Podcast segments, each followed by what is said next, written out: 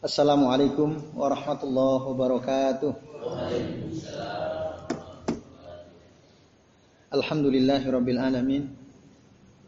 Wassalatu wassalamu ala asrafil anbiya'i wal mursalin wa ala alihi wa sahbihi wa man tabi'ahum bi ihsanin ila yaumiddin.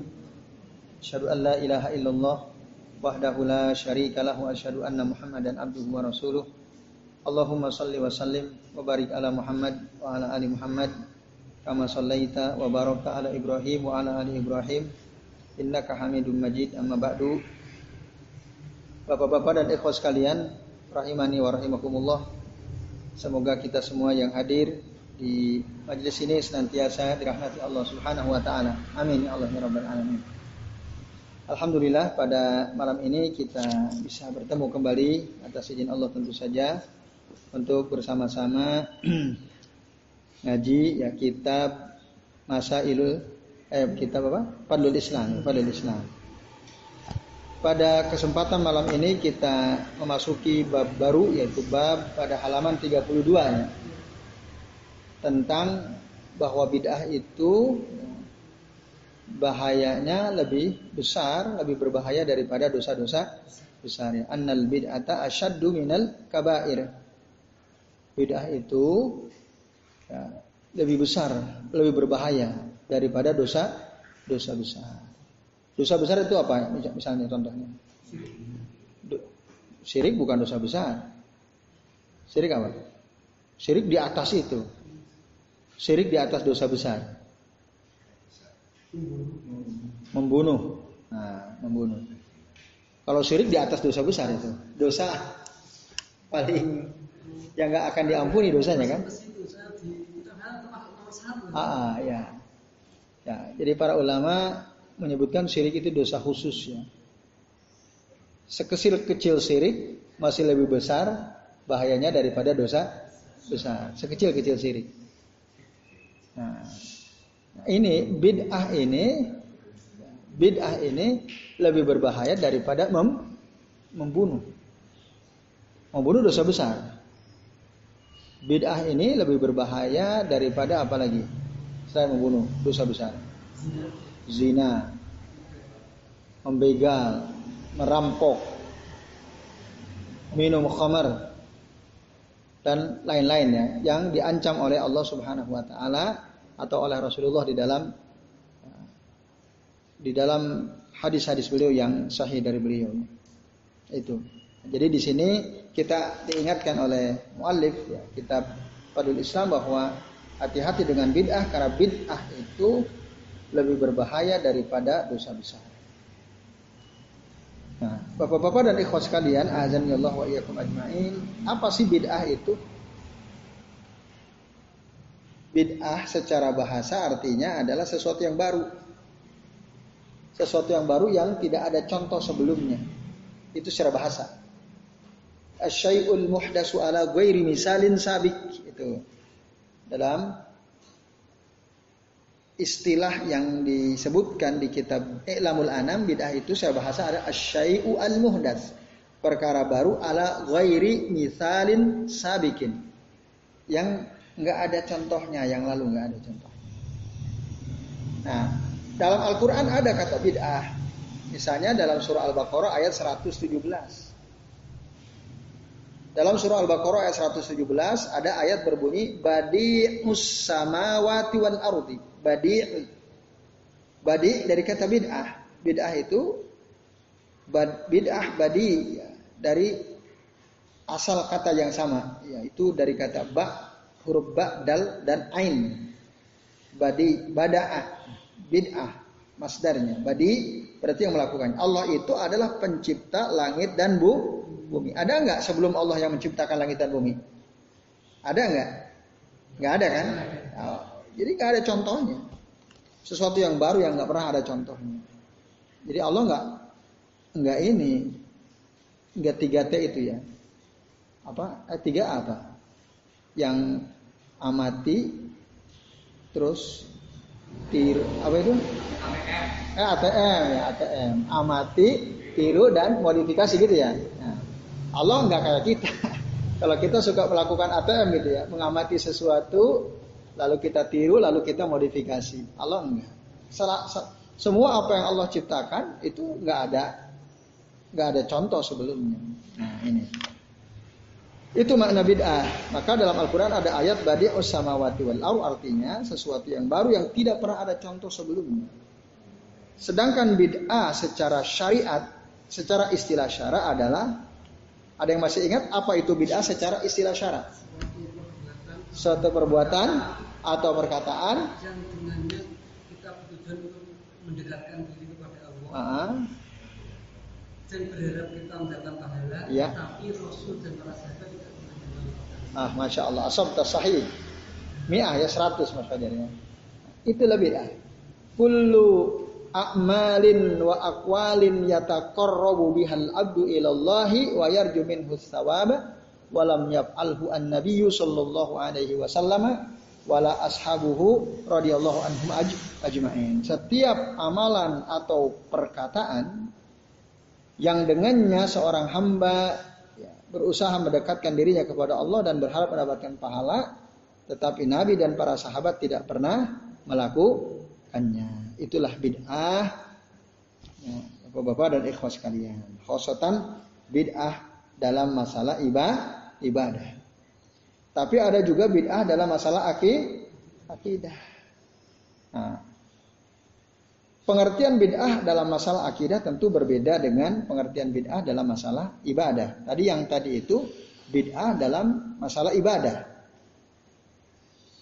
Kalau dalam masalah akidah Bid'ah itu adalah ya, sesuatu yang dilakukan dalam agama ihdasu syai'in fid din laisa aslun yang tidak ada asalnya min kitabillahi azza wa jalla wala min sunnati rasulih baik dalam Alkitab dan Al-Qur'an maupun dalam sunnah. Ini. Jadi bid'ah dalam masalah akidah adalah ihdasu syai'in fid din membuat perkara baru dalam agama laisalahu aslun, tidak ada dasar.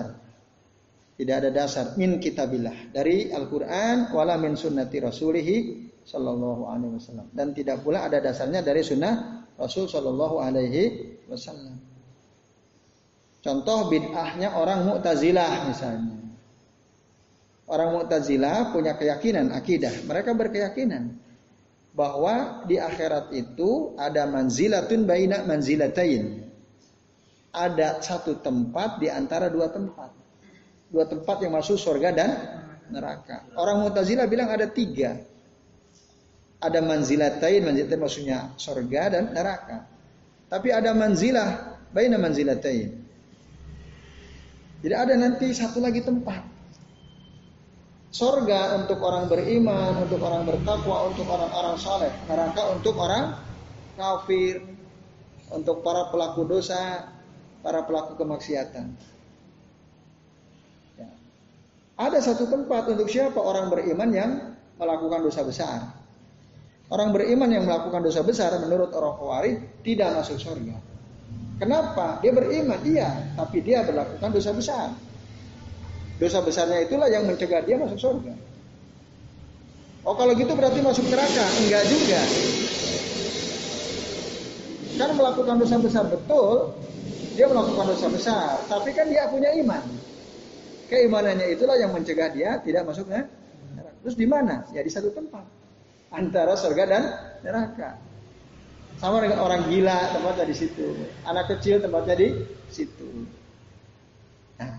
Ini bid'ah dalam akidah. Rasul nggak pernah mengatakan ada tempat antara surga neraka. Dalam Al-Quran juga nggak ada penjelasan ada tempat antara surga dan neraka. Di akhirat itu cuma ada dua tempat. Satu surga, dua neraka. Kalau nggak masuk surga ya masuk neraka. Nah, kalau orang beriman berbuat dosa besar, ya masuk neraka dulu. Nanti dia akan masuk surga. Orang gila gimana? Kapan gilanya? Kalau gilanya sejak lahir langsung masuk surga karena nggak tak karena taklim syarat. Ada nggak orang gila sejak lahir? Gak tahu ya. Coba riset loh, ada nggak ya sejak lahir gila gitu. Nah kalau autis mungkin ada. Tapi kalau gila sejak lahir Allah alam ada nggak? Nah, kalau dia gilanya usia 40 tahun, Tinggal dilihat sejak dia balik usia 15 tahun sampai usia 40 itu lebih banyak mana amal solehnya atau amal amal buruknya. Itu nanti yang akan menentukan nasibnya. Nah itu contoh bid'ah dalam masalah akidah. Nah, Bapak-bapak dan ikhwas sekalian, azan ya Allah wa ajmain. Jadi bid'ah dalam agama ini, baik akidah maupun ibadah, ini mazmum tercela. Karena semua sudah dijelaskan secara sempurna. Yang menyempurnakan siapa? Allah Subhanahu wa taala. Sebab jelaskan ya, sebagaimana dijelaskan dalam surah Al-Maidah ayat 3. Allah taala berfirman apa? Al-yauma akmaltu lakum dinakum. Pada hari ini telah aku sempurnakan bagi kalian agama kalian. Wa atmamtu alaikum nikmati dan telah aku sempurnakan nikmatku kepada kalian wa raditu lakum raditu lakumul islam madina. Dan aku ridho Islam menjadi agama kan kalian. Itu sempurna. Nggak usah ditambah-tambahin. Maka setiap amal ibadah tadi yang tidak ada dalil atasnya baik dari Quran maupun sunnah fahiya mazmumatun mardudah. Maka dia ter tercelak dan tertolak. Tertelak dan tertolak. Hadisnya jelas juga ya dari Nabi. Ada yang masih ingat coba tolong bantu saya sebutkan dalil hadis dari Nabi bahwa amalan bid'ah itu tercela tertolak man kita udah lewati itu ya dalilnya Man betul awalnya man tapi bukan Pak Lukman man bukan ya.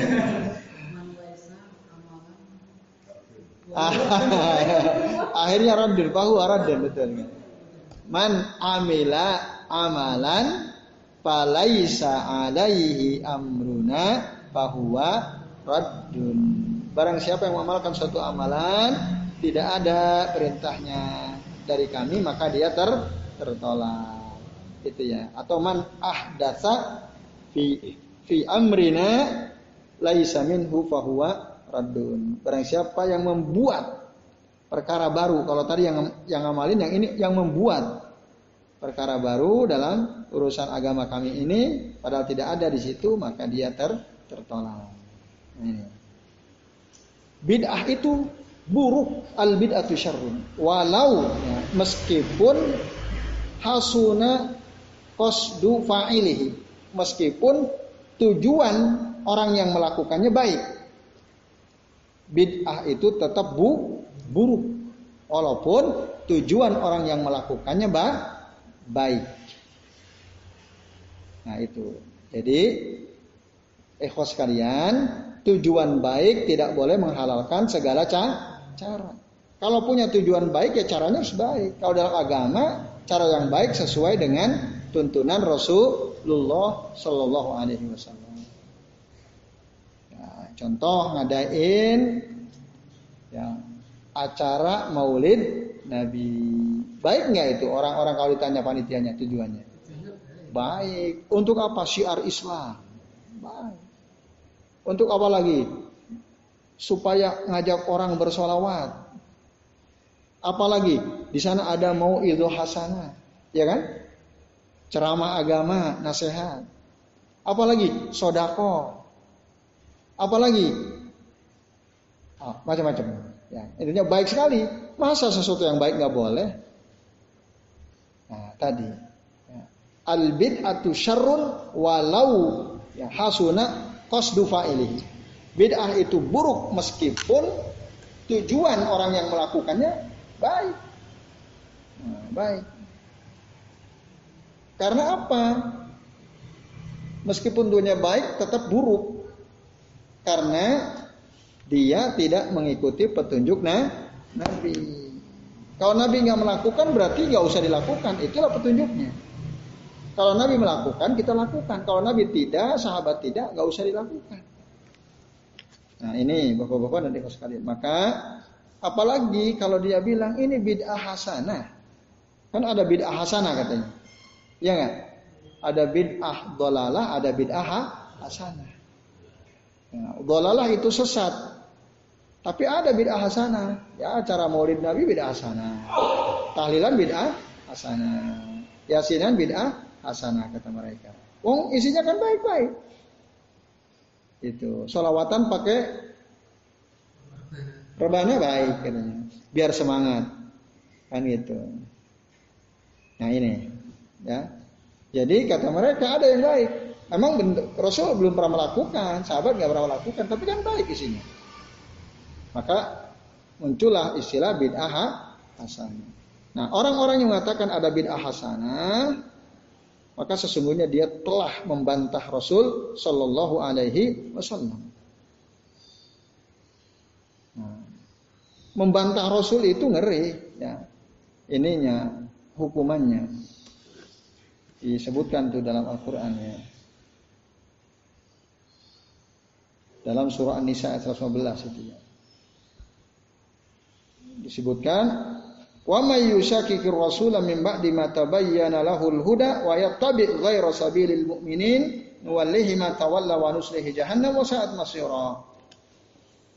Jadi barang siapa yang menentang Rasul setelah jelas baginya petunjuk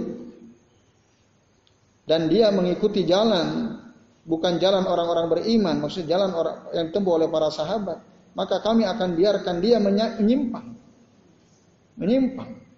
Dibiarkan terus menyimpang wa nuslihi jahannam. Kami akan masukkan dia ke dalam neraka jahan dan wasaat masiro dan jahanam adalah seburuk-buruk tempat kembali.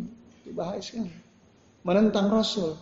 Oh ada bid'ah hasan. Rasul aja ngomong kullu bid'atin dalalah. Kan itu yang dikatakan Nabi. Wa kullu dhalalatin finnar. Setiap bid'ah itu sesat dan setiap kesesatan itu ada dalam neraka. Eh, ada orang bilang ada bid'ah hasanah. Rasul bilang setiap bid'ah itu sesat kok ada bilang bid'ah hasanah. Itu dia telah menentang Rasul, itu diingatkan oleh Allah Subhanahu wa taala dalam surah Al-Maidah ayat 115. Ikhwas kalian, azan ya Allah wa ajma'in. Nah. Oleh karena itu para ulama telah memberikan perhatian yang sangat luar biasa ya, dan memberikan peringatan dari bid'ah. Maka banyak sekali kitab-kitab ditulis ya. Saya punya kitab itu mungkin ada 10 kitab yang isinya pembahasan tentang bid'ah. Mungkin bisa lebih kayaknya. Ya. Nah, penting misal ada kitab ilmu usulil bid'ah. Ada kitab al-i'tisam. Nah, ada nanti kitab Al-Bidah wan Nahyu Anha. Ada kitab Al-Ba'is ala Ingkaril Bidah wal Hawadis karangan Abi Abu Syamah dan lain-lain. Baik sekali. Itu apa? Isinya yang memperingatkan hati-hati dengan bid'ah itu. Bid'ah itu bahaya sekali. Nah, maka dengan demikian kata penulis kitab Iqlamul Anam, bid'ah itu nah, bahaya tadi ya. Kemudian bid'ah itu termasuk juga perbuatan do, dosa. Nah, dosa-dosa itu ada macam-macam ya. Ada dosa kecil, ada dosa besar. Masih ingat ya pengertian dosa kecil, dosa besar ya? Ya, saya kira kita udah pernah membahas ya pengertian daripada dosa besar dan dosa kecil. Nah, kemudian Bapak-bapak dan ikhwas sekalian, azan ya Allah wa iyyakum ajmain. Bisa katakan bahwa bid'ah itu lebih berbahaya daripada dosa besar. Dari sisi mana kok bisa dikatakan bahwa bid'ah itu lebih besar bahayanya daripada dosa besar? Dari beberapa sisi katanya, sebutkan sini. Satu, kenapa bid'ah itu lebih berbahaya dari dosa dosa besar? Dosa besar tadi ya kita sudah sebutkan mencuri, berzina, merampok, membegal, ya, mempro, jadi provokator, mengadu domba, dosa-dosa besar minum khamar, riba, bid'ah lebih besar, lebih berbahaya dari itu semua. Satu kenapa? Satu annal bid'ata ihdatsun fid din lam ya lam yasrahu Allah. Karena bid'ah itu berarti dia membuat perkara baru dalam agama padahal Allah tidak pernah mensyariatkannya. Itu satu. Orang yang berbuat bid'ah berarti dia telah membuat perkara baru dalam agama yang tidak pernah disyariatkan oleh Allah wa sahibu hayadhunnu annaha din. Ya. Tapi pelakunya mengira bahwa bid'ah itu bagian dari aga, agama. Apakah Allah telah mensyariatkan perlunya maulid Nabi? Kan nggak ada. Mengadakan maulid Nabi adalah ihdasun fiddin, ya, perkara baru dalam agama dan Allah tidak pernah mensyariatkannya. Tapi coba antum tanya para pelakunya. Pasti mereka mengatakan ini bagian dari agama. Bagian dari agama. Kan ngeri itu. Kalau tanya mana buktinya? Pasti muter-muter tuh. Muter-muter dia cari pembenaran. Nah itu jadi dia bersungguh-sungguh cari pembenaran untuk membenarkan bid'ah. Maka al-iktisadu fi sunnati khairun minal ijtihadi fil bid'ati. Ya. Iktisad itu maksudnya merasa cukup dengan sunnah ya, itu lebih baik daripada bersungguh-sungguh dalam bid bid'ah. Itu. Tadi dia nyari dalil ini, nyari dalil itu macam-macam untuk membenarkan bahwa perbuatan itu benar. Muter-muter dia pasti. Padahal udah jelas sunnahnya, ngapain muter-muter? Udah jelas. Itu. Nah, jadi bahayanya bid'ah lebih berbahaya dari dosa besar dari satu tadi sisi bahwa bid'ah itu adalah perkara dalam agama yang Allah tidak pernah mensyariatkan, tapi pelakunya menganggap itu adalah bagian dari aga, agama. Coba antum tanya orang yang minum khamar, apakah minum khamar bagian dari agama? Pasti dia jawab tidak, pasti itu dia jawab tidak. Coba antum tanya orang yang suka tahlilan, dan nabi, tanya, apakah maulid nabi dari agama? Iya mereka bilang iya, baru bukan. Nah itu kan bahaya sekali. Ya. Nah, bahkan orang yang berbuat dosa besar, dia akan mengakui saya ini bermaksiat. Ya saya paham saya ini dosa besar maksiat ya. Nah, itu. Yang mendorong saya adalah syahwat saya. Ini memang kemaksiatan. Tapi orang berbuat bid'ah nggak pernah ngerasa bahwa itu maksiat. Ini yang benar kan gitu. Merasa benar itu pasti. Dinasehati pun nggak akan mempan. Jadi saya punya teman gitu. Ya kalau ngobrol ketemu itu, udah ya selalu hampir berdebat kita ya. Nah dia dosen ya di Jawa Timur itu ya. Kalau ke Jogja gitu suka mampir ke rumah gitu ya. Nah dia kadang nginep gitu. Itu dia ya kita selalu ngobrol dalam perkara-perkara yang sudah clear sebenarnya. Saya katakan itu bid'ah tapi dia berusaha untuk membelanya gitu ya. Berusaha untuk membelanya. Walaupun akhirnya ketika coba kita cari dalilnya. Dia ngucapin dalil, saya nyebutin dalil. Oke, kita cek. Nah, ternyata dalil dia kalau enggak keliru, ya dalilnya doaib gitu ya. Kalau enggak keliru dalilnya doaib. Gitu. Dalam obrolan terakhir saya waktu dia ke rumah itu. Nah, saya bilang ziarah kubur berulang-ulang itu dilarang oleh Nabi dan itu bid'ah, diulang-ulang. Karena dilarang oleh Nabi. La taj'alu qabri idan kata Rasul. Janganlah engkau jadikan kuburanku sebagai tempat yang dikunjungi berulang-ulang. Kuburan Rasul saja nggak boleh. Apalagi kuburan selain roh Rasul. Diulang-ulang setiap Jumat ziarah. Setiap ada hajat ya nggak boleh. Nah, tapi dia bilang ada dalilnya. Karena Nabi ya karena Rasulullah Shallallahu Alaihi Wasallam yazuru al baqi kulla yaumi sabat kata dia. Rasulullah SAW selalu ziarah ke makam baki setiap hari Sabtu. Saya agak aneh juga, oh apa ada ya dalil kayak gini?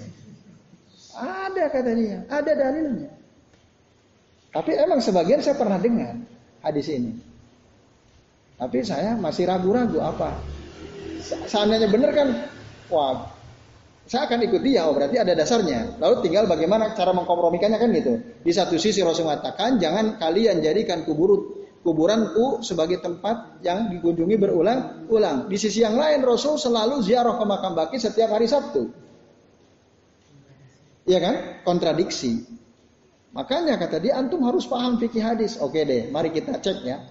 Kita cek lah, kita bukalah kita. Eh, ternyata keliru dia. Yang benar itu karena Rasulullah Shallallahu Alaihi Wasallam yazuru Masjid Kuba kulla yaumi sabat. Rasul itu ya selalu ziarah mengunjungi Masjid Kuba setiap hari Sabtu bukan baki ente keliru nah oh iya toh keliru oh, iya. kalau iya yakin banget itu dia yakin banget itu. Kita buka aja ternyata keliru dia. Nah maka hati-hati antum. Ya dia udah yakin banget gitu. Antum pahamilah fikih hadis katanya. Ternyata dia ke nah itu pentingnya kita punya kitab itu ya. Kita cek riwayat siapa. Walaupun dia tidak bisa menyebutkan riwayat siapa, tapi kan bisa dicek gitu ya. Yang penting ada kata kuncinya gampang dicek sekarang itu. Ya ada apa di aplikasi handphone kan ada Al-Bahis Al-Hadisi. Itu luar biasa. Ada aplikasi judulnya Al-Bahis Al-Hadisi. Membahas tentang hadis. Wah kan, wah canggih itu. Kalau di laptop itu ada aplikasi namanya Maktabah Syamilah. Itu bisa dicek juga. Kalau di ini nah, ada namanya al-bahis al-hadisi namanya. Itu ya antum tulis yang penting antum tahu kata kuncinya, ada teks Arabnya. Langsung ketemu disebutkan berapa kali seret riwayat siapa saja yang mendoaibkan siapa yang kalau katakan saya yang sahih mensahihkan siapa. Bahkan ada sarahnya. Wah dahsyat itu. Al-Bahis Al-Hadis. Kalau paham bahasa Arab itu mantap sekali itu ya. Nah, ini termasuk aplikasi favorit saya ini ya. Jadi soal hadis langsung bisa dicek di situ. Kalau masih belum yakin, kita bisa buka kitabnya. Nah, kan, nah ini pentingnya punya kitab kan. Maka saya berusaha ngoleksi itu semua kitab hadis yang tisah itu bahkan kitab-kitab hadis populer yang bukan termasuk kitab tisah saya usahakan saya punya kitabnya supaya bisa dicek. Bisa dicek. Ternyata keliru dia. Nah, dia keliru. Nah, ini padahal dia yakinnya bukan main tuh ya. Mantap betul gitu ketika menyampaikan ke saya. Hati-hati antum. Antum harus paham fikih hadis kata dia. Nah, ternyata dia kan keliru. Nah, terus dia ngomong lagi tentang mengusap wajah dengan tangan kanan. Ya, karena Rasul Sallam hina insarafa min salatihi yamsahu wajhahu biyaminihi. Ya. Ketika salam dia assalamualaikum warahmatullahi wabarakatuh. Yamsahu ya wajhahu biyaminihi mengusap wajahnya dengan tangan kanannya wakal dan Rasul berdoa katanya apa Allahumma alhab alhib anni al hamma wal hazan kata beliau ini disebutkan dalam kitab kaifa yusalli. Saya cari kitabnya ketemu saya. Nah, tapi saya lupa mau minta filenya atau minta kita mau ngopi gitu. Kalau ada katanya dalam kitab kaifa yusalli. Oke seandainya ada kitabnya. Tapi mungkin kitabnya tidak populer. Kalau kitab itu bagus pasti kita bisa cari file PDF-nya di, di internetnya. Nah, artinya si si penulisnya kan berani dipublish gitu ya. Ketika kita kesulitan mencari itu tanda tanya bisa mungkin karena buku baru ya belum sempat bisa. Atau bisa karena yang nggak begitu dikenal orang males bacanya. Nggak penting gitu ya nggak nggak dimasukin. Bisa aja juga karena itu. Nah kata dia ada di kitab Kaifa Yusalli. Dan ini makmul bih kata dia, makmul bih. Antum tidak lakukan ini. Dengan sangat gagah dia katakan, antum tidak lakukan ini makmul bih kata dia. Ini diamalkan, antum tidak amalkan. Oke, baik, mari kita cek. Kita cek tuh hadisnya. Ternyata apa? Para ulama bilang jumhur ahli hadis kalau anna hadil hadis dhaifun jiddan. Ah. Ah, saya baca sendiri antum, dhaifun jiddan. Antum awal yang itu saya nggak mau ikutin antum karena dasar antum kalau nggak palsu ya dhaif dan makanya saya nggak mau atau bid'ah tuh. Nah itu ya. Wah emang antum dari sejak saya kenal sampai sekarang selalu berbeda sama saya ya karena karena prinsip kita yang beda. Itu. Antum berlonggar-longgar terhadap bid'ah, saya tidak. Karena bagi saya bid'ah itu ya bahaya sekali. Percuma kita capek-capek hidup kan, ngamalin ibadah menurut kita diterima pada tolak semua. Bahkan bukan hanya ditolak, diancam. Kita masuk neraka orang yang berbuat bidah. Nah, ini Bapak sekalian ya. Nah, nanti kita akan bahas ya hadis-hadis dalilnya di, di bab ini ya. Dalil-dalilnya. Nah, itu maka saya nggak mau ya asal mengamalkan suatu amalan tanpa jelas dalilnya. Bahkan dia cerita yang aneh-aneh. Cerita yang aneh-aneh yang menurut saya aduh nggak masuk akal betul ya. Tapi dia yakini karena dia kutip ini kata guru saya. Guru saya ini, gurunya ini, gurunya ini. Ini ada sanadnya. Walaupun ada sanadnya, guru antum orang-orang terkenal kalau nggak ada dasarnya saya nggak akan mau terima. Gitu. Jadi bukan soal siapa yang ngomong, tapi soal apakah omongannya itu ada dasarnya atau tidak. Boro-boro orang hebat lah, tukang becak pun misalnya kalau dia menyampaikan kepada saya sesuatu yang baik dan dia nggak mampu menyebutkan dasarnya, dalilnya, atau setidaknya artinya dinyebutkan dasar dari kitab ini, ini saya ikutin. Nggak harus orang-orang besar, tidak harus. Nah ini. Karena yang kita ikuti ini bukan orangnya. Yang kita ikuti apa?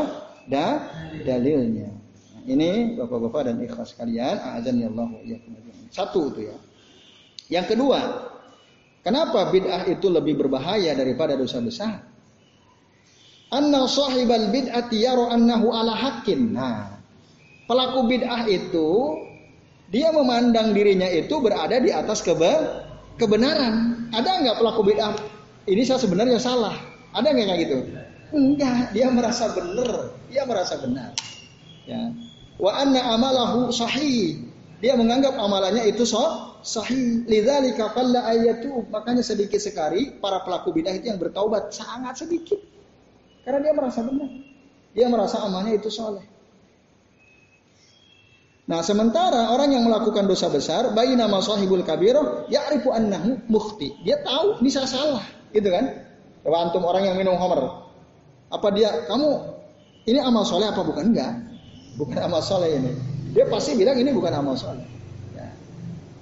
Nah karena dia merasa dosa besarnya itu bukan amal soleh, pasti harapan untuk bertaubatnya itu lebih besar. Bisa diharapkan karena dia merasa salah. Tapi orang yang merasa benar, taubat nggak dia? Yang merasa benar, ya susah suruh taubat. Tuh aku benar kok suruh taubat, kan gitu. Nah ini bahayanya. Di situ dia kenapa bid'ah lebih berbahaya daripada dosa besar. Nah dilihat dari sisi itu. Yang ketiga, sisi yang ketiga, annal mubtadi yaftari 'ala Allahil kadzib. Nah, annal mubtadi'a yaftari Allahil kadzib. Sesungguhnya pelaku bid'ah itu dia membuat-buat sesuatu atas nama Allah. Padahal bohong. Ya. Dia membuat-buat sesuatu, melakukan suatu perbuatan yang dia katakan atas nama A. Nah, ini ini ada dasarnya gitu. Ada, Allah mengizinkan. Padahal bohong.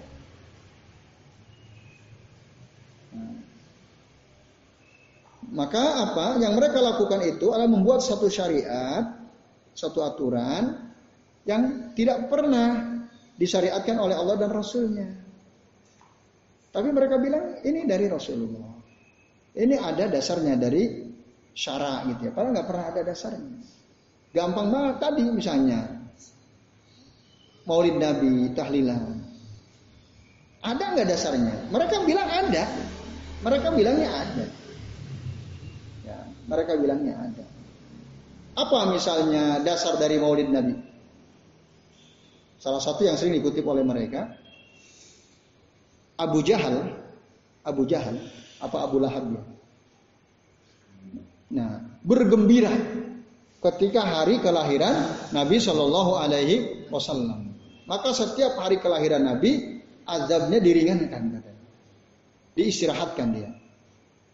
Mana dasarnya? Itu hadis palsu. Tapi dijadikan pegangan oleh mereka. Itu hadis palsu. Hmm. Jadi nggak benar itu ya. Dan banyak lagi saya punya kitab tebal sekali ya, hampir seribu halaman. Yang isi kitab itu adalah bantahan-bantahan terhadap setiap argumen orang yang mengatakan bahwa maulid Nabi itu sunnah. Sampai seribu halaman. Bantahan-bantahannya. Oh, khusus maulid Nabi. Khusus maulid Nabi itu ya. Ya orang. Jadi semua dalil-dalilnya dikemukakan dari ahlul bidah itu. Dibantah, dibantah, dibantah, dibantah. Semua dibantah. Banyak sekali. Nah ini. Tapi mereka merasa benar merasa bahwa ini ada dasarnya, gitu, ada dasarnya. Berarti yang berbohong atas nama Allah, atas atas nama Rasul. Rasul. Apa ancamannya kalau dia berbohong atas nama Nabi? Man kadzdzaba alayya muta'ammidan falyatabawwa maq'adahu minan nar. Barang siapa yang berdusta atas namaku dengan sengaja atas nama Rasul, apalagi atas nama Allah, falyatabawwa maq'adahu, maka hendaklah dia siap-siap tempatnya finnar di dalam neraka. Oh, itu bid'ah itu bahaya sekali. Itu ya. Dan yang keempat terakhir ya, orang yang berbuat bid'ah itu ini bahaya bahaya ngeri lainnya adalah annal mubtadi ayak tadi bihinas. Pelaku bid'ah itu bisa jadi di, diikuti oleh orang-orang. Apalagi yang melakukannya itu ya orang yang dianggap berilmu, ahli ibadah, dia pernah mondok bertahun-tahun di pesantren gitu kan. Terus biasa ngisi khutbah Jumat misalnya. Dianggap ahli ibadah. Padahal banyak bid'ahnya. Maka orang akan ikut. Kenapa? Karena dia kiai kok. Kok lulusan pesantren bertahun-tahun di pesantren. Dia suka ceramah. Masa dia bohong? Kan gitu biasanya. Nah, memang orang ber, ahlul bidah itu nggak merasa berbohong. Dia merasa benar. Tapi kalau kita uji dasarnya, baru ketahuan. Nah, ini ya. Itu. Itu bahayanya. Coba bayangkan, siapa orang yang pertama kali membuat acara Maulid Nabi? Kan ada pasti ya. Kan diikuti oleh banyak sekali orang. Siapa yang pertama kali ngadain tahlilan? Kan diikuti sama orang-orang bertahan, banyak orang bertahan sekarang. Itu kan ngeri diikuti oleh banyak orang. Ya mungkin dulu, wah dari kiai pulang, dari syekh pulang bin pulang. Nah, orang berilmu, ah, diikuti, dipertahankan oleh orang-orang. Maka mereka tidak pernah ya, merasa salah. Karena ada ininya kok. Nanti mentok-mentoknya sudahlah, masing-masing ada dalilnya kok. Ah, nah, kalau udah kalah dalil gitu nanti akhirnya. Kalau udah kalah, ya kita ngobrol, berdebat, udahlah masing-masing aja, masing-masing ada dalilnya nggak usah diributin. Eh, itu biasa begitu kalau udah udah berdiskusi, musyawarah, kalah udah mentok semua, udah ada sanadnya kok. Nah, sanad kalau keliru masa sanad diikutin terus kan bahaya sekali itu ya. Ada yang ngomongnya hadis, doif kan hadis juga. Ah, ya betul, tapi kan doif. Udah ya betul, tapi kan doif gitu kan hadis juga tapi kan doib. Nah, ini. Jadi gampang sih ya itu dia kalau diingatkan hadis doib, hadis doib kan nggak apa-apa, hadis juga kan doib. Lemah. Ah, lebih baik doib daripada nggak sama sekali. Nah, ya itu bahaya. Logika itu bahaya. Lebih baik doib daripada nggak sama sekali kan. Ya kalau nggak nggak ada dalil yang sohih, ngapain diamalin capek-capek? Apalagi tadi kan tertolak bukan hanya tertolak bahkan diancam akan masuk neraka. Itu. Walaupun memang ada sebagian ulama mengatakan hadis dhaif gak ada masalah kalau dalam bab fadhailul amal, amal-amal utama. Tapi ini adalah salah satu pandangan yang marjuh ya, lemah. Karena bahaya sekali kalau orang tasahul ya bersikap longgar terhadap hadis dhaif bahaya sekali. Nah, ini Bapak-bapak dan ikhwas sekalian. Nah, itulah dia sisi sisi kenapa atau alasan-alasan kenapa bid'ah itu lebih berbahaya daripada dosa-dosa besar. Baik itu ya mukaddimah. Terus dalam bab ini kita mungkin akan bahas dua dalil saja ya. Yang pertama adalah dalil dari Al-Quran surah An-Nisa ayat 48. Ini sangat masyhur ya. Kita insya Allah sebagian sudah hafal ayat ini. Innallaha la yaghfiru an yusraka bihi wa yaghfiru ma duna dzalika liman yasha. Sesungguhnya Allah tidak akan mengampuni dosa orang yang mensekutukan Allah dengan sesuatu dan Allah akan mengampuni dosa selain itu. Limai yasha bagi yang Allah kehendaki. Nah, Bapak-bapak dan ikhwas sekalian, a'azani Allah wa iyyakum ajmain. Nah, penulis kitab Fadlul Islam ya mencantumkan ayat ini di bawah judul bahwa bid'ah itu lebih berbahaya daripada dosa besar. Nah, untuk mengingatkan kita semua bahwa bid'ah itu bid'ah itu kadang-kadang menjerumuskan kita kepada kesyirikan. Dalam satu uh, keadaan bid'ah itu bisa menjerumuskan, mendorong kita kepada kesyirikan. Nah, itu. Bagaimana argumennya? Ini. Allah menciptakan kita untuk apa coba? Untuk beribadah. Dalilnya apa? Gimana bunyinya? Wa ma khalaqtul jinna wal insa illa liya'budun. Tidaklah aku ciptakan jin dan manusia kecuali untuk beribadah kepadaku. Atau dalam tafsir sebutkan untuk mentauhidkan. Nah, itu kita diciptakan oleh Allah untuk beribadah kepadanya. Nah, kalau ada orang beribadah kepada selain Allah, ada orang beribadah kepada selain Allah, bid'ah atau tidak dia? Karena Allah nyuruh untuk beribadah hanya kepada Allah. Lalu ada orang beribadah kepada selain Allah. Bid'ah apa bukan itu? Ya bid'ah. Nah, bid'ah itu karena dia membuat aturan baru beribadah kepada selain Allah, maka itu bid'ah. Wahada a'zamul bid'ah dan ini adalah sebesar-besarnya bid'ah li'annahu sara adinan man lam ya'zan man lam ya'dallahu bihi. Karena dia telah membuat suatu aturan agama yang tidak pernah diizinkan oleh Allah Subhanahu wa taala wala yarda bihi dan Allah tidak ridho dengan itu. Nah, itu itu bid'ah kesyirikan. Ya setiap kesyirikan itu bid'ah. Setiap kesyirikan itu bid. Apa pun kesyirikan itu bid. bid. Nah maka itulah sebesar-besar bid'ah yaitu syirik. Syirik itu bid'ah. Syirik itu bid'ah. Karena dia ya, menyembah sesuatu selain Allah nah, yang itu tidak ada dasarnya. Tidak ada dasarnya. Yang ada justru kita disuruh hanya menyembah Allah saja kan itu. Berarti Bid'ah itu perkara baru dalam agama. Menyembah selain Allah perkara baru. Rasul nggak pernah melakukan, sahabat nggak pernah melakukan. Nah, itu terus sekalian. Nah oleh karenanya bid'ah syirik ini telah mengeluarkan seseorang dari agama. Allah tidak akan mengampuni dosa-dosanya. Kalau dia mati dalam keadaan belum tobat dari bid'ah syirik ini, maka dia akan masuk neraka selama lamanya. Padahal dia ngerasa benar gitu ya. Wah itu ngeri sekali ya, ngeri sekali sekalian. Nah, nah, kalau dia taubat sebelum mati, ya, bisa saja Allah am, ampun. Tapi kalau dia taubat, sudah kau syirikan. Ya, jadi dia, jadi ada teman dia seorang imam, imam tetap di suatu masjid dia. Imam tetap di suatu masjid. Dia itu sering ngajak jamaahnya untuk ziarah kubur. Setiap malam apa itu rutin seminggu sekali. Tapi imam tetap di suatu masjid.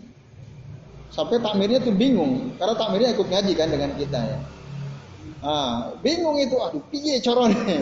Padahal dia udah imam tetap, isinya udah dikontrak gitu kan. Dikontrak gajinya lumayan besar gitu ya, dikasih tempat dan ah bingung ininya. Apa tak ketua takmirnya bingung gimana ini. Nah, sementara dia sering melakukan perbuatan bid'ah ya, atau syirik. Kasihan akhirnya. Ya saya juga gimana lagi? Susah. Kalau seandainya dihentikan dari tugas keimaman kasihan. Dia punya anak istri padahal gajinya ya dari masjid. Fokus di situ. Ngimamin sholat lima waktu. Memang suaranya bagus suaranya. Nah ini dari pesantren. Tapi dia suka berbuat bid. Nah, maka teman-teman yang biasa jamaah di situ setelah kita ngaji terus ada yang malas nggak ada yang mau jamaah di situ. Yang repot kan takmirnya yang bingung nggak sholat di situ gimana? Wong ini masjid beliau yang mimpin kan begitu. Sementara imamnya imamnya ada ahlul bid'ah. Nah, ini ya. Bapak-bapak dan ikhlas sekalian. Nah itu. Nah, jadi bisa masuk ke terjerambab kepada kesyirikan dan ini sebesar-besar bid'ah. Nah, oleh karena itu maka bid'ah itu ya, dia bisa dibagi dilihat dari sisi besar besar kecilnya, bid'ah itu terbagi kepada tiga tiga tingkatan. Tingkatan pertama itu al bid'ah al mukaffirah. Ini tingkatan paling ngeri. Bid'ah yang menyebabkan pelakunya menjadi kafir. Menjadi kafir. Syirik. Nah, apa itu? Ya, itu bid'ah syirik. Bid'ah syirik bid'ah al-mukaffirah yang pertama. Bid'ah al-mukaffirah. Wahia bid'atu syirik. Dia adalah bid'ah syirik. Nah, ini ya, ikhwas sekalian, azan ya Allah wa Karena setiap kesyirikan adalah bid'ah. Setiap kesyirikan adalah bid'ah. Yang paling tinggi bahayanya, paling mengerikan. Nah, contohnya tadi ya, orang-orang yang suka berulang-ulang ziarah kubur lalu minta-minta berdoa untuk kemaslahatan dirinya di samping kuburan itu. Bukan untuk kemaslahatan si mayit, tapi untuk kemaslahatan dirinya. Dia punya hajat ini dan itu dia yakini kalau saya berdoa dekat kuburan Mbah Pulan, Kiai Pulan, doa-doa kita diijabah oleh Allah. Kalau kita punya masalah, ayo kita datang ke kuburan Kiai Pulan, masalah mau selesai. Kan begitu. Saya punya teman punya masalah, berat masalahnya. Dia sering konsultasi kepada saya, saya sampaikan. Banyak berdoa Pak sama Allah, minta sama Allah. Saya ingin yang konkret gitu. Lah emang berdoa nggak konkret? Kurang konkret katanya. Ya, ya, kurang konkret. Nah, meremehkan doa. Kan kasihan itu ya. Dia ingin konkret itu gimana maksudnya? Ya, bisa kelihatan gitu langsung reaksinya langsung. Menurut dia yang konkret itu misalnya lapor polisi ya menangkap orang yang bermasalah dengannya kan itu itu menurut dia konkret. Kalau berdoa nggak konkret kurang konkret. Ya. akhirnya dia nggak puas. Jawaban dari saya selalu itu nah saya selalu bilang sabar pak berdoa minta sama Allah. Ah itu nggak usah dikasih tahu juga saya tahu tapi kurang konkret kan gitu. Nah, nah kalau bapak nanya saya selalu pasti jawaban saya itu saya bilang jawaban terbaik ya itu karena masalah saya saya udah melakukan mediasi berkali-kali gitu ya. Ya lebih dari sekali lah. Atau setidaknya saya dua kali dengan orang yang keluarga yang bermasalah dengan dia. Saya datangi rumahnya, saya ngobrol. Nah, tapi nampaknya susah ketemu. Karena menurut dia pihak itu zolim, menurut pihak itu dia zolim kan susah. Saya bilang kalau mau selesai yuk kita kumpul bareng kan gitu. Nah kalau saling tuduh menuduh kan susah saya konfirmasinya. Apa benar begini? Apa benar begini? Coba kalau kumpul bareng kan bisa dikonfirmasi kan? Nah, tapi beliau nggak mau, nggak mau. Nah itu kan artinya kalau nggak mau ada sesuatu kan? Kalau saya dengar dari pihak yang menurut dia salah, wah itu lebih ngiri lagi. Ininya apa? Kezaliman-kezalimannya gitu. Wah ini saya bilang udah saya angkat tangan, udah nggak biasa mediasi kalau begini caranya. Ya udahlah, doa saja saya bilang banyak istighfar, doa, sabar. Hanya dia konsultasi sama si imam ini tadi, imam masjid ini tadi. Apa solusinya? Yuk kita ziarah, iktikaf ya di kuburan. Kalau mau selesai masalahnya kita ziarah ke kubur Kiai Bulan. Nah, saya tahu dari mana dia sendiri cerita ke saya. Saya sama Ustaz ini disuruh ziarah. Ya, satu malam semalam gitu ziarah, iktikaf gitu di dekat kuburan. Nah, ini kan yang ini bahaya ini. Dia meyakini kalau berdoa di samping kuburan Kiai Pulan bin Pulan bisa selesai masalah kan itu. Ini syirik ini. Dikiranya orang udah mati bisa menyelesaikan masalah. Tapi mereka cari dalil kalau ditanya, oh ada dalilnya, pasti mereka bilang ada dalilnya. Ada dalilnya apa? Orang-orang yang mati di jalan Allah itu la tahsabanna alladziina qutilu fi sabilillahi amwat bal hum ahya. Janganlah sekali-kali kamu mengira bahwa orang-orang yang mati di jalan Allah itu mati, tapi mereka hidup. Yang bilang siapa? Allah kata mereka. Allah yang bilang. Jadi kalau kita ziarah ke situ, mereka dengerin doa kita lalu disampaikan kepada Allah Subhanahu wa taala. Nah, gampang. Orang soleh kan dekat sama Allah. Kalau dia minta langsung dijawab oleh Allah. Nanti selesai masalah kita. Nah, kan bahaya itu. Padahal orang udah mati nggak mungkin bisa mendengarkan nggak dalam arti mendengar untuk mengambil manfaat atau untuk menjawab keinginan kita Mbah, tolong sampaikan kepada Allah. Saya punya masalah besar seperti ini supaya diselesaikan, Mbah. Oke, siap katanya. Wah, repot ini. Kan Enggak. Ya walaupun dia nggak ngomong kan kita udah yakin enggak. Ya, enggak. Udah selesai orang mati udah selesai dia tugasnya. Nah ini ya. Jadi gitu. Ini bahaya. Ada bid'ah yang mukaffirah. Yang kedua ada al bid'ah al mughalladhah. Nah, mughalladhah itu artinya berat. Mukaffirah ya bisa menyebabkan kafir pelakunya kalau mughalladhah ini bid'ah yang berat. Kan ada najis mughalladhah itu ya. Nah, mughalladhah itu maksudnya bid'ah yang berat.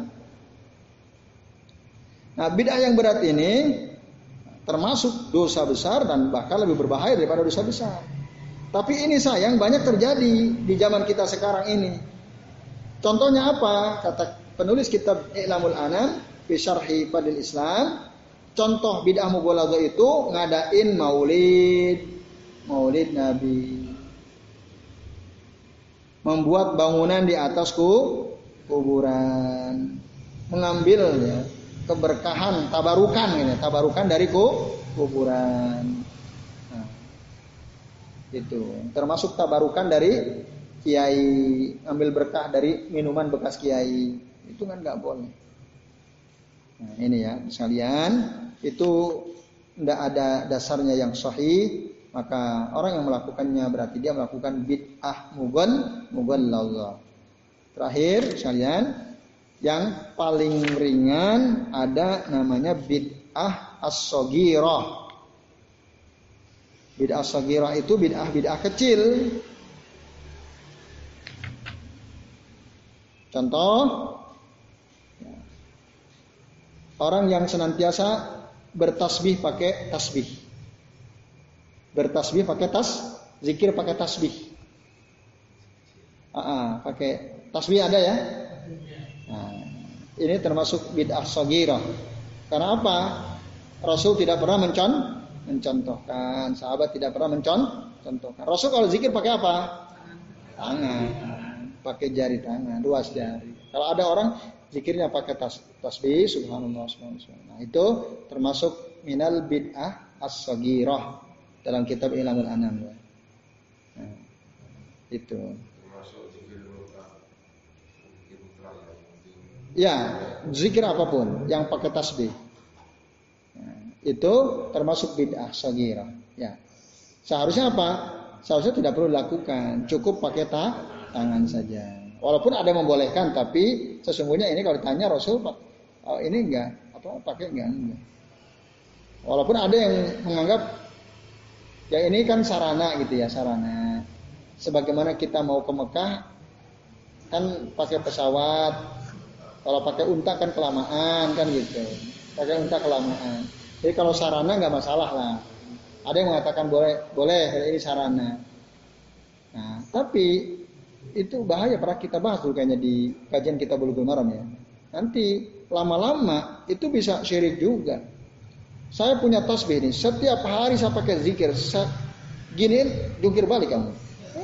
Pakai zikir tiap hari, kan bahaya tuh kan gitu. Oh dia pakai kalung itu tasbihnya kan. Kalau dia pakai kalung tasbih yang sering dia pakai zikir, dia merasa nyaman kan. Wah itu bahaya sekali. Saya kepret pakai tasbih, kamu mikir balik kamu. Lepas itu kan sakit Nah, iya. Kalau itu masih penting. Yang ini jauh jarak jauh pun bisa mikir balik. Nah, ada isinya gitu ya, ada isinya. Kan bahaya itu. Bisa it, dari bid'ah sogiro bisa naik ke bid'ah mukaffirah. Karena bisa syirik dia meyakini kalau tasbihnya itu ada isinya. Ada isi. Karena dia sering pakai zikir. Nah gitu. Mendingan kamu macam-macam setempeleng ini sering pakai zikir tangan setempeleng saya kamu sakit kamu setempeleng. Nah, itu kan benar kan? Setempeleng kamu sakit. ini pakai zikir tiap hari loh. Nah, ini bapak-bapak dan ikhlas kalian itu ya. Jadi bid'ah itu lebih berbahaya daripada dosa-dosa besar. Ya, saya kira ini karena sudah jam 10 ya. Lewat satu. Kita cukupkan sampai ini dulu ya. Dalil yang pertama, nanti insya Allah kita lanjut lagi di pekan yang akan datang. Sebelum diakhiri, barangkali ada yang mau tanya, kami persilakan. Yes, silakan Mas. Hmm.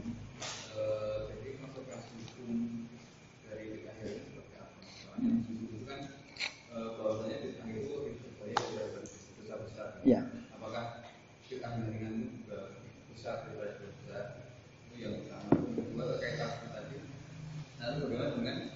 uh, aplikasi ya. Hmm. ada banyak aplikasi yang membantu zikir karena tapi uh, berpikir yang cumanya 100 atau hmm. kita pakai ada mesin itu ya. Ya, nah, sama aplikasi itu ada di Di apa di tik tik tik tik tik tik itu. Ya. Ya. ya.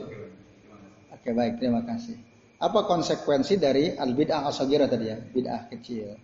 Ya tadi, bid'ah itu mau yang bid'ah mukaffirah, bid'ah mughalladah atau bid'ah sagira lebih berbahaya daripada dosa besar. Karena dia merasa benar kan, merasa ben benar itu maka bahaya tadi. Itu bahayanya di situ dari empat sisi tadi. Nah, maka dengan dengan demikian dengan demikian kalau tasbih dianggap berzikir pakai tasbih dianggap bid'ah sagira, maka begitu juga dengan perangkat lain. Mau yang pakai kan ada trek trek trek trek. Ada yang digital kalau dulu, nah itu termasuk. Nah, termasuk yang aplikasi di HP itu. Wong Rasul udah ngajarin pakai tangan kok, kenapa kita pilih sesuatu yang lain kan? Kan Rasul udah bilang, ya, Inna khairul hadi hadiyu Muhammad Muhammadin. Sebaik-baik petunjuk adalah petunjuk Nabi Muhammad. Rasul ngajarin kita gimana zikir? Pakai ta tangan. Nah. Oh kita menganggap wah bagusan enakan pakai ini ya. Ini kan? Berarti kita menganggap sesuatu yang tidak diajarkan Nabi lebih baik daripada yang diajarkan Nabi. Nah, di situ bahayanya. Itu. Apa yang susah-susah pakai aplikasi? Nanti kalau nggak ada HP nggak bawa, nggak jadi zikir, nggak ada aplikasinya kan? Oh, tangan kan selalu kita bawa. Di mana pun kita bisa ber, berzikir. Nah itu. Nah ini itu bahaya beda di situ itu. Ya, ya itu Mas Afri yang bisa kamu jawab. Ada yang lain? Ya silakan. Mas Fajar dulu baru Mas Islam. Waalaikumsalam warahmatullahi wabarakatuh. Nah. Itu mengatakan bahwa ada tempat untuk orang diri. Ya. Namanya kalau tidak salah sijil. Di daerah mana itu? Ya nggak tahu saya, saya cuma mendengarkan. Katanya ada tempat bunuh diri masih jil gitu ya. Orang yang bunuh diri? Menjelaskan, beliau tata menjelaskan namanya tempatnya sijil. Oh ya, ya, ya, ya. Apakah pemahaman seperti itu bisa terkategorikan termasuk paham mutajilah dari Ustaz itu? Uh -uh. Yang mengatakan ada tempat orang yang bunuh diri itu tempatnya sijil. Sijil. Ya, baik. Monggo Mas Isna sekalian.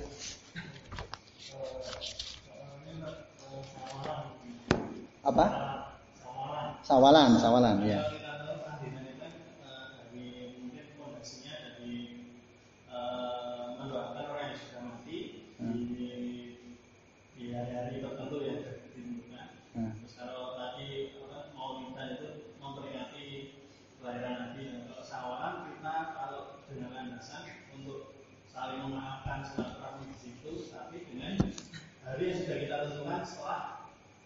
bulan Syawal. Hmm. Jadi apa termasuk uh, juga golongan bid'ah dan mungkin di masjid-masjid sekarang semua masjid juga hampir semua masjid ngadain syawalan ya.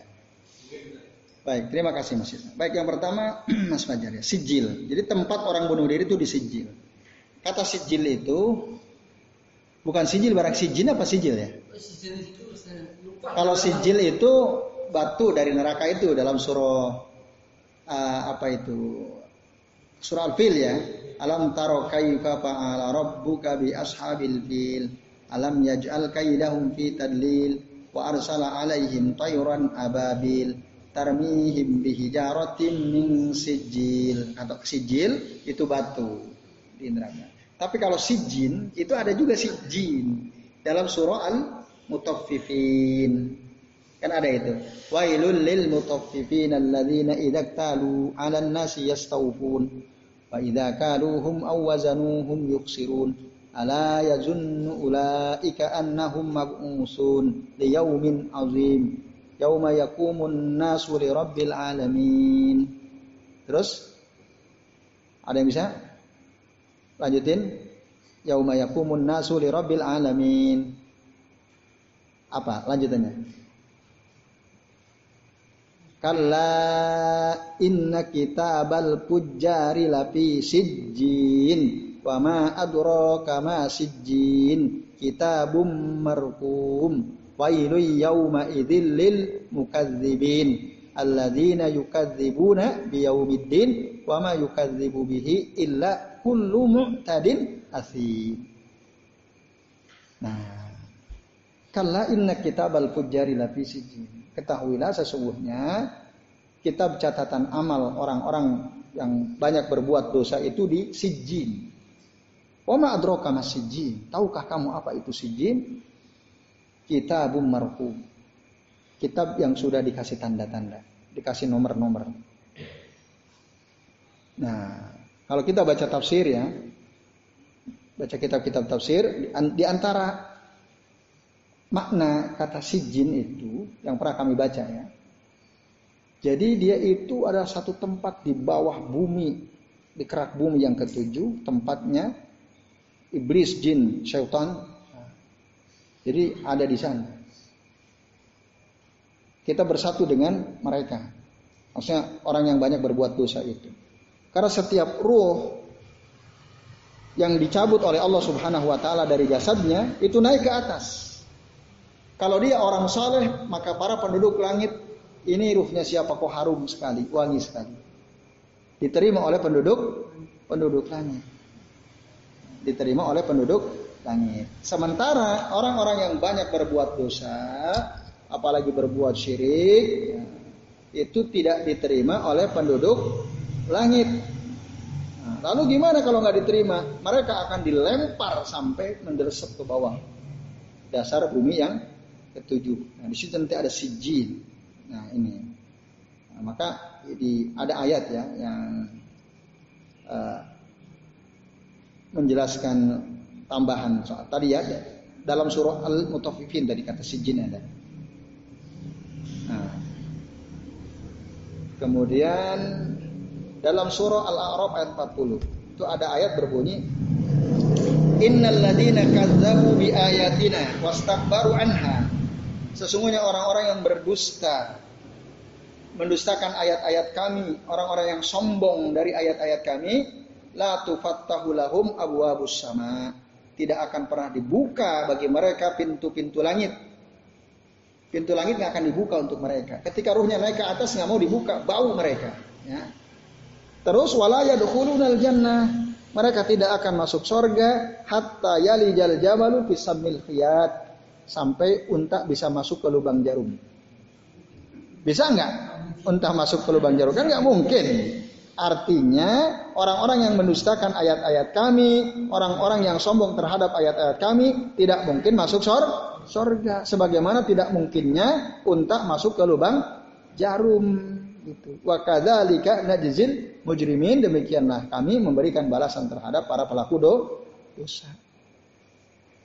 Pintu langit nggak bisa dibuka, itu, itu lempar. Nah, nanti tempatnya di sijin. Jadi sijin itu ada suatu tempat di bawah bumi yang lapis paling bawah di situ. Nah, maka orang bunuh diri, orang bunuh diri itu Kira-kira rohnya diterima nggak di langit? Tidak. Karena bunuh diri dosa besar dosa kecil?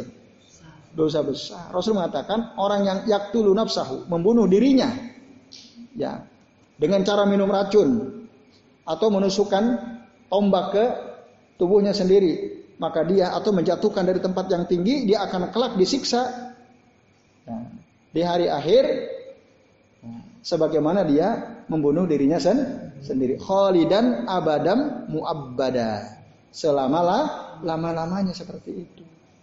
Orang bunuh diri itu orang putus asa bukan? Nah.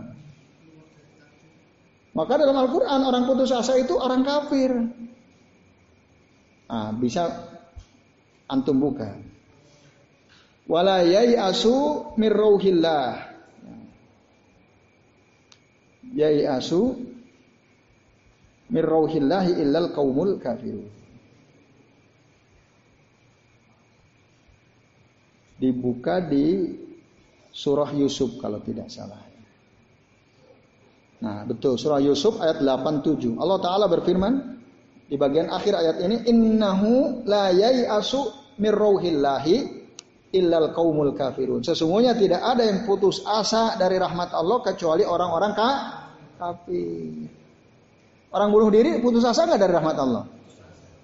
berarti dia masuk kategori kafir. Kalau kita pahami ya, nah itu teman-teman sekalian. Nah maka orang yang begitu itu nanti di langitnya diterima ruhnya ketika dia mati. Lalu kalau ada usaha mengatakan tempatnya di sijin, dasarnya itu tadi ya yang yang saya jelaskan. Ya wallahu taala alam itu Mas Fajar ya. Usaha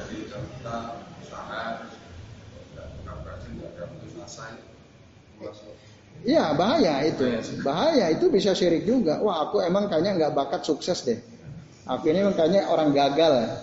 Nah ini nanti ini apa itu yang kita pernah bahas namanya tatoyur itu ya tatoyur, tatoyur itu bahaya. Nah ini saya emang nggak bakat sukses kayaknya deh. Udahlah nggak usah usaha aja. Nah dia nggak semangat dia putus asa. Itu bahaya hati-hati. Jangan pernah putus asa ya. Baik, itu terus kalian ya. Kemudian sawalan. Nah, kembalikan pada kaidah tadi, pada pengertian bid'ah tadi, bid'ah. Bid'ah itu apa tadi? Kullu a'malin wa aqwalin. Yataqarrabu bihal abdu ilallahi wa yarju minhu sawaba wa lam yakmalhu an-nabiyyu sallallahu alaihi wasallam wa la ashabuhu radhiyallahu anhum. Setiap perbuatan atau perkataan yang dilakukan dalam rangka untuk mendekatkan dirinya kepada Allah dan berharap mendapatkan pahala darinya padahal Rasul dan para sahabat tidak pernah melakukannya. Maulid Nabi orang tanya dia berharap dapat pahala nggak? Ya. Dia menganggap bahwa itu adalah amalan untuk mendekatkan diri kepada Allah atau tidak iya tahlilan sama nah, tinggal kita tanya orang ngadain sawalan ngadain acara sawalan ini ya, termasuk tradisi atau ibadah kan gitu. Tradisi atau ibadah? Ibadah. Kalau dianggap, wah oh, kita ngadain sawalan supaya mendekatkan diri kepada Allah, supaya kita dapat pahala. Kalau dia menganggap seperti itu, ya maka bid'ah. Tapi kalau enggak ini hanya tradisi saja. Kita enggak berharap dapat pahala, kita enggak menganggap ini sebagai uh, cara untuk mentakorubkan diri kepada Allah, maka enggak ada masalah. Gitu. Tinggal nanti motif pendorong acara itu apa, gitu. Itu Mas Isna ya. Jadi tinggal kalau motifnya tadi dia takoruban ilallah, wanarjus sawab minallah. Nah, padahal Nabi dan Rasul, eh, Rasul dan para sahabat tidak melakukannya berarti tidak. Tapi kalau ah ini ya sama nanti kayak acara reuni kan, reunian kan kumpul-kumpul. Nah itu itu urusan du, dunia itu udah urusannya urusan dunia. Gitu. Karena misal ya, itu cenderung ke urusan dunia. Kita kan lebaran biasa kumpul keluarga banyak ya. Orang kampung yang tadinya merantau kan pada pulang. Ya yuk kita kumpul aja deh. Biar kita saling ketemu, ya saling memaafkan. Dan kita bisa rubah-rubah waktunya ya. Ada yang hari pertama, ada yang hari ketujuh macam-macam tuh kan. Nah dari situ aja udah beda-beda orang kan. Nah tapi kalau tahlilan Maulid dan Nabi kan sama itu, tidak ada perbedaan kan. Diyakini pada hari 12 Rabiul Awal menjelang itu biasanya atau pada hari itu. Ya, jadi tadi kembali kepada motif mengadakan acara syawalan itu apa? Kalau dia anggap wah ini hanya tradisi positif di kampung kami, ah ada masalah kalau itu. Ya gitu Mas Isna. Ya, ya tergantung motif pendorong. Ya. Ya itu tambahan-tambahan yang boleh saja dilakukan. Ya sama sama seperti reuni. Reuni kan daripada kosong banget ah, yuk kita ngadain pengajian kan gitu. Yuk kita ngadain dangdutan. Kalau dangdutan boleh nggak mau dangdutan. Karena ada reuni pakai dangdutan ada juga itu. Nah itu. Jadi itu. Jadi acaranya itu dianggap ibadah apa bukan itu? Kalau dianggap itu tradisi, nggak ada masalah. Tapi kalau acaranya dianggap ibadah, itu yang jadi masalah. Gitu. Ya. Jadi itu. Jadi batasannya di situ. Dianggap tradisi atau dianggap ibadah? Ibadah. Kan beda tuh. Kalau dianggap tradisi, ya relatif agak lentur kan. Kalau ibadah kan orang oh, oh harus begini begini. Ya, itu jadi apa yang bisa kami jawab Bapak-bapak dan Ibu sekalian. Semoga bermanfaat ya. Cukup, saya kira cukup sampai di sini. Ini sudah jam 10 lewat 17. Terima kasih atas perhatiannya. Dan tentu saja saya mohon maaf. Oh, kitab sarahnya ini Iklamul Anam. Iklamul Anam, syarah kitab Fadlil Islam. Ya ini. Ini ada banyak syarahnya ya. Saya yang paling menurut saya paling lengkap ya ini. Yang lain kan tipis-tipis ya kayak ini misalnya. Ini kan salahnya. Sarah Sarah saya bin Bas ya. Ini Sarah Syekh Muhammad bin Abdul Wahab bin Sulaiman At-Tamimi. Ini Sarah Fadil Islam. Ini ringkas-ringkas. Nah, di sini luar biasa ini banyak banyak informasi penting di kitab Ilmu Alam.